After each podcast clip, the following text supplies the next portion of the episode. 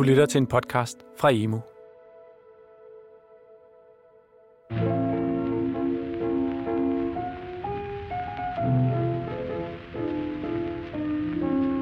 Gribe efter blanke ting Vil være et lille grådigt barn Binde andre med en ring Gør man som helt befaren 2. verdenskrig er den mest blodige konflikt nogensinde. Mange millioner mennesker døde. Endnu flere mistede nogen, de holdt af. Flere lande blev sønderbumpet, og på den anden side af krigen var hele verden forandret. Det gælder også Danmark, der dog ikke blev helt så hårdt ramt som mange andre lande. Men vi var besat af tyskerne i fem år, og det fik stor betydning for samfundet. Den 9. april 1940, tidligere om morgenen, der hørte vi jo flystøj udenfor. Og så ser vi de her fly, der kommer over hustagen. Meget, meget lavt. Jeg var helt bange for, at de kunne tage skorstenen med. Jo ikke? Altså, de var fløj meget lavt. Men det kunne jeg jo ikke lide. Jeg siger bare, det er tyskerne. Det kan jeg se af kendelsmærkerne. Jeg er bange for, at vi får ufred her i det her land. Men nu står vi to sammen og kæmper til hver en tysker ude af landet. Og vi er frie igen. Og det lovede jeg min far, uden at kætte rækken, det løfte, jeg gav, men det gik op for mig tiden. Sådan husker Dorte Emilie Røssel, der dengang var 6 år, tilbage på tyskernes invasion. Efter den kunne man se tyske soldater i byerne og tyske køretøjer i landskaberne. Fra dag af blev danskernes hverdag forandret. Det blev svært at skaffe almindelige dagligdagsvarer som te og kaffe, for krigen betød varemangel og rationering. Der lød luftalarmer, der kom regler om mørklægning om aftenen, og grænserne blev lukket. Og man skulle tænke sig om en ekstra gang, før man sagde sin mening højt. Fænomener, som fik mange til at føle sig som fanger i deres eget land. Men tyskerne tabte krigen, og den 5. maj 1945 blev Danmark befriet, og danskerne var igen et frit folk. Modstandsbevægelsen behøvede ikke længere at holde sig skjult. Dem, som var drevet på flugt, for eksempel de danske jøder, kunne vende hjem. Det var tid til en ny begyndelse, og nogle meget vigtige kapitler i nyere tids Danmarks historie blev skrevet i kølvandet på 2. verdenskrig. Efter en besættelse og efter en befrielse. Dette er Befrielsen, en podcastserie om tiden før, under og efter Danmarks befrielse fra Nazi-Tyskland i 1945. Vi gennemgår tre store temaer fra krigen. Modstand, flugt og det nye samfund. Hør, hvordan den danske modstandsbevægelse udøvede sabotage mod den tyske besættelsesmagt og blev hyldet vidt og bredt for denne heltegærning, mens de måtte se deres politiske indflydelse forsvinde som duk for solen, lige efter at krigen var slut. Hør, hvordan historien om de danske jøder på mange måder er en fantastisk historie, midt i al redslen for det jødiske folk under krigen, men også om, hvordan det trods alt havde kæmpe store konsekvenser for de danske jøder at være på flugt fra deres hjem, fra deres dagligdag og for nogen uden deres familie.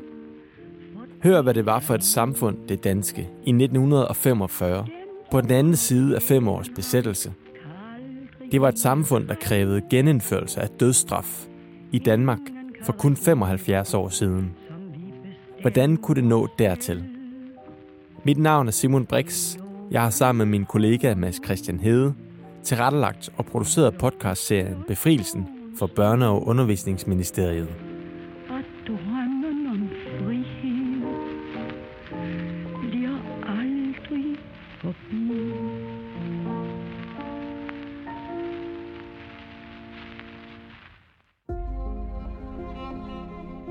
Her kommer en gennemgang af de vigtigste nedslag fra tiden, hvor Danmark var besat, og fra tiden, hvor landet blev befriet igen.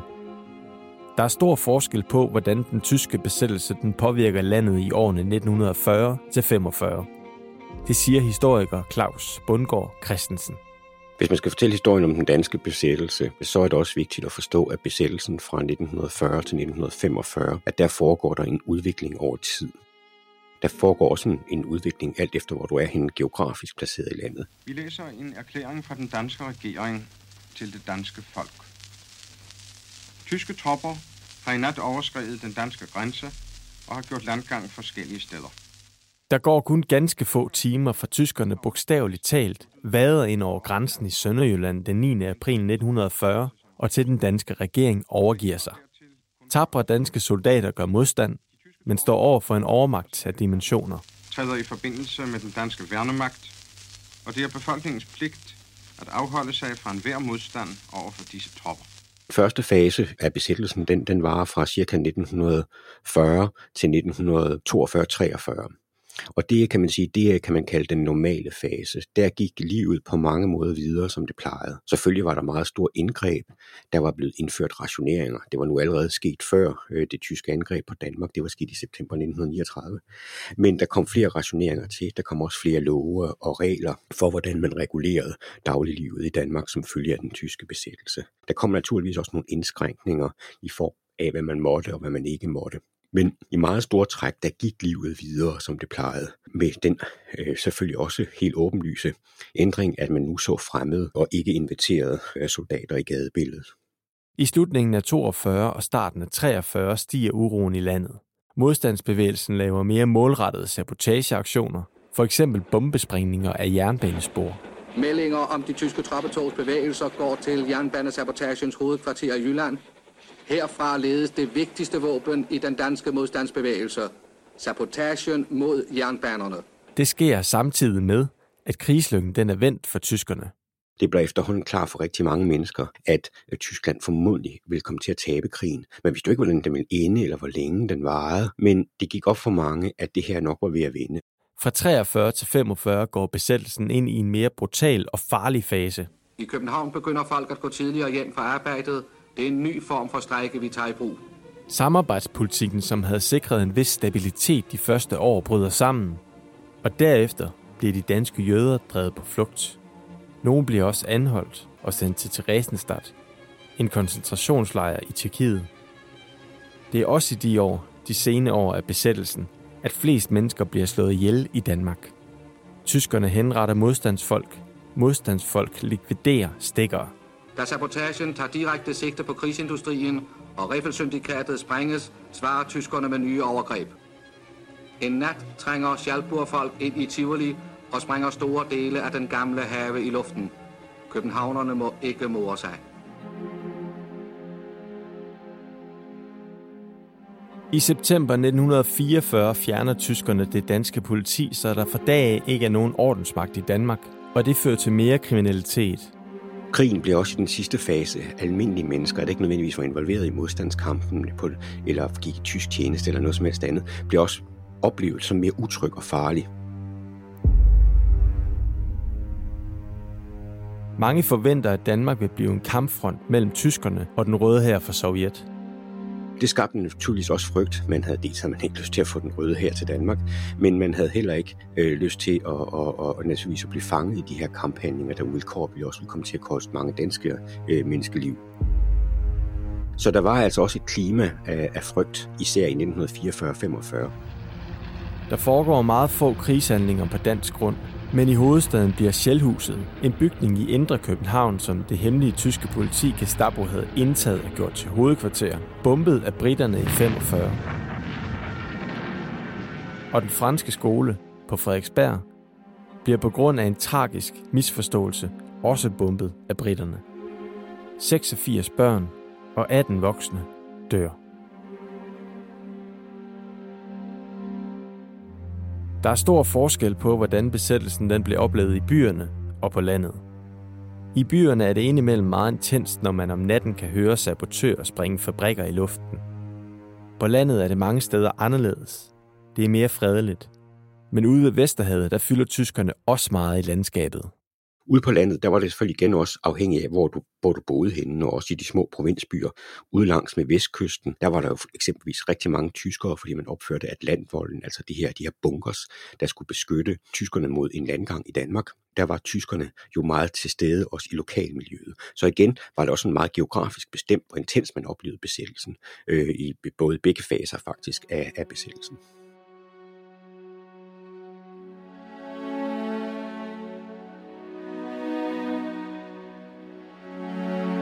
I maj 1945 rykker de britiske tropper hurtigt op gennem Tyskland, og til sidst må nazisterne overgive sig.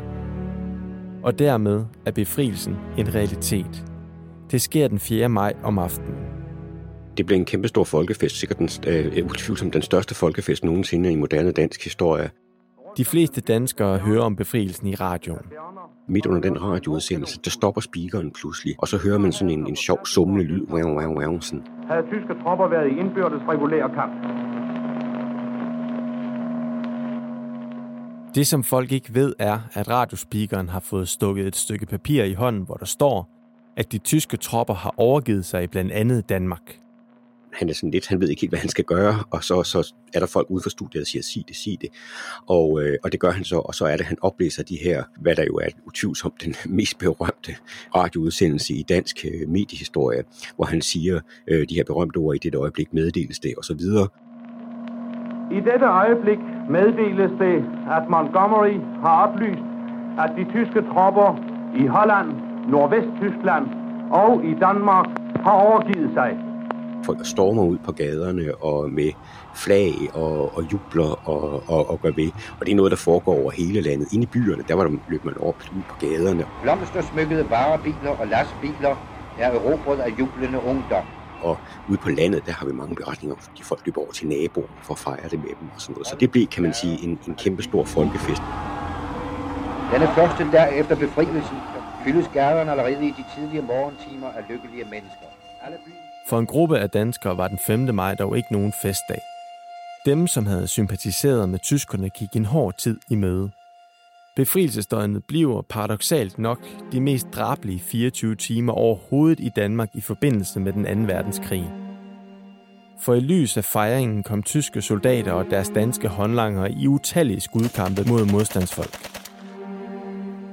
Tyskerne havde nemlig kun overgivet sig til britterne og havde stadig strenge ordre om, at de ikke måtte nedlægge våbne over for den danske modstandsbevægelse.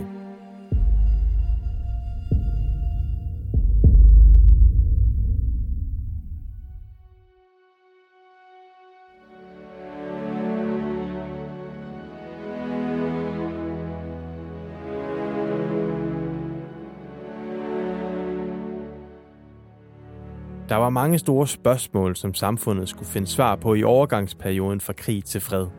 For eksempel stod Danmark uden regering i maj 45, så der skulle hurtigt dannes en midlertidig regering og udskrives et folketingsvalg. Et andet vigtigt tema var, hvad man skulle stille op med de bevæbnede folk i modstandsbevægelsen mange af modstandsfolkene, det var jo kernen, kan man sige, det var jo unge mænd, og der, der i mange tilfælde nu var bevæbnet til tænderne. Hvordan vil de egentlig forholde sig nu, freden havde sænket sig? Vil de lægge deres våben, eller vil de forsøge med våben i hånd øh, og, og gennemføre deres politiske dagsorden? Det galt for eksempel de mange kommunister, der var medlem af, af modstandsgrupperne. Men det viser sig faktisk, at, at modstandsfolkene, de følger øh, ordre, som de får, øh, og, og lægger deres våben. Så, så de bliver sådan relativt hurtigt, kan man sige, integreret i, i, i samfundet. Endnu et tema i sommeren 45, det var, hvad man skulle stille op med dem, der havde bedrevet såkaldt landskadelig virksomhed. De skulle have en dom, og der blev indført love, som galt med tilbagevirkende kraft. Det var helt klart, der skulle være et retsopgør. Der var folk, der havde begået drab, tortur, alle mulige andre landskadelige former for virksomhed, og de skulle naturligvis retsforfølge, så det blev de også. Der blev også indført dødsstraf. I alt blev over 30.000 mennesker frihedsberøvet, 13.000 blev dømt, og 46 blev henrettet. Der var en, meget ond stemning øh, over for landsforrædere, over for tyskere i det hele taget. Og der var der helt klart et krav om at genindføre dødsstraf. De dødsdømte bliver henrettet ved skud af det danske politi to steder i landet. Et sted lige uden for Viborg, og så på det, der senere hen er blevet til Christiania. Den her meget hårde stemning, der var over for landsvigerne, som man også kaldte landsforræderne, den begynder efterhånden at fordampe. Så man begynder også i højere og højere grad at vige tilbage fra at bruge dødsstraf. Man kan sige, at dem, der blev dødsdømt sent i retsopgøret, de bliver i reglen benådet. Der var også tyskertøserne, som de blev kaldt, altså unge kvinder, som havde været kærester med en tysk soldat under besættelsen. De blev hævet ud på gaden og fik klippet deres hår af, så man kunne se, at her var der en tyskertøs. Nogle af dem fik også flået tøjet af. Trangen til hævn og til ydmygelse var stor lige efter befrielsen. Men hele den, den hævnfølelse og den hævnstemning, den begynder efterhånden at blive noget mildere, øh, som, som, som tiden går, og som krigen kommer på afstand. Og derfor er der altså en tendens til, at straffene de bliver mildere og mildere. Der er også hele spørgsmålet om flygtninge. Der kommer rigtig, rigtig mange tyske flygtninge til Danmark. Tyske flygtninge begiver sig på vandring med de få ejendele, de har reddet. Verdenshistoriens største angrebskrig har forvandlet sig til... De flygtet foran de sovjetiske styrker. Mange af dem kommer fra Østpreussen, og så den, den vej kommet til Danmark. Sultne og syge søger de tyske flygtninge bort, altså til Danmark. Stort set alle københavnske folkeskoler er i sommeren 45 fyldt med tyske flygtninge. Der er også mange danske flygtninge, som vender hjem. Det er for eksempel jøder og modstandsfolk, som er flygtet over sundet til Sverige i 1943, og selvfølgelig også de jøder, som vender hjem fra koncentrationslejren til Resenstadt. I dag, i 2020, der snakker vi stadig om 2. verdenskrig. Heldigvis hører den krig fortiden til, men det er ofte stadig den, vi sammenligner med, når der sker noget ekstraordinært. Vi har ikke på noget tidspunkt siden 2. verdenskrig truffet så store beslutninger på så kort tid i Danmark. Her var det statsminister Mette Frederiksen, som brugte sammenligningen på et pressemøde den 30. marts 2020 om coronakrisen. Men hvorfor er det, at den tid ofte bliver brugt som referenceramme? Og hvor meget betyder befrielsen for danskerne i dag? Tingene kunne være gået anderledes. Altså det var, det var, det var jo også Danmarks eksistens, der stod på spil. Altså, der var ingen, der vidste, hvordan det ville gå i 1940. Der kunne det godt være gået faldet ud til tyskernes fordel. Men det er den ene ting. Det er også den anden ting, det er, at vi ved at se på besættelsen, der kan vi, der kan vi også der kan vi lære en masse om, hvordan det danske samfund er skruet sammen. For det er nærmest som sådan en slags laboratorieforsøg. Hvordan fungerede det danske samfund under pres? Hvordan fungerede det danske samfund uden politi eksempelvis? Og hvis man spørger en dansk familie nu, er vidnerne til besættelsen, de er jo efterhånden ved at dø, fordi de bliver gamle, så der er ikke så mange, der husker besættelsen længere. Men de fleste mennesker vil have en eller anden relation til besættelsen. Det kan selvfølgelig være, at man har haft en, en, en bedstefar, der har været i modstandskampen, eller hvad ved jeg. Men det kan også være meget mindre dramatisk. Men de fleste har på en eller anden måde en relation til besættelsen, de fleste familier. Så derfor er det noget, der betyder os øh, noget øh, rigtig meget for os danskere, og også vil gøre det fortsat.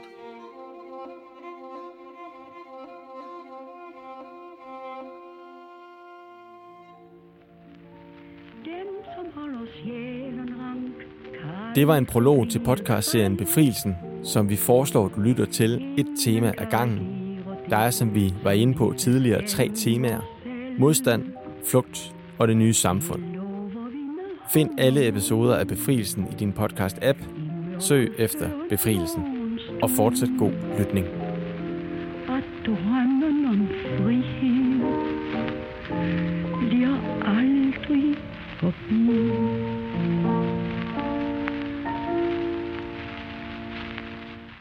I denne episode er der brugt klip fra Altinget, Københavns Beredskab, DR og BBC. Du har lyttet til en podcast fra Emo. Find mere viden på emo.dk.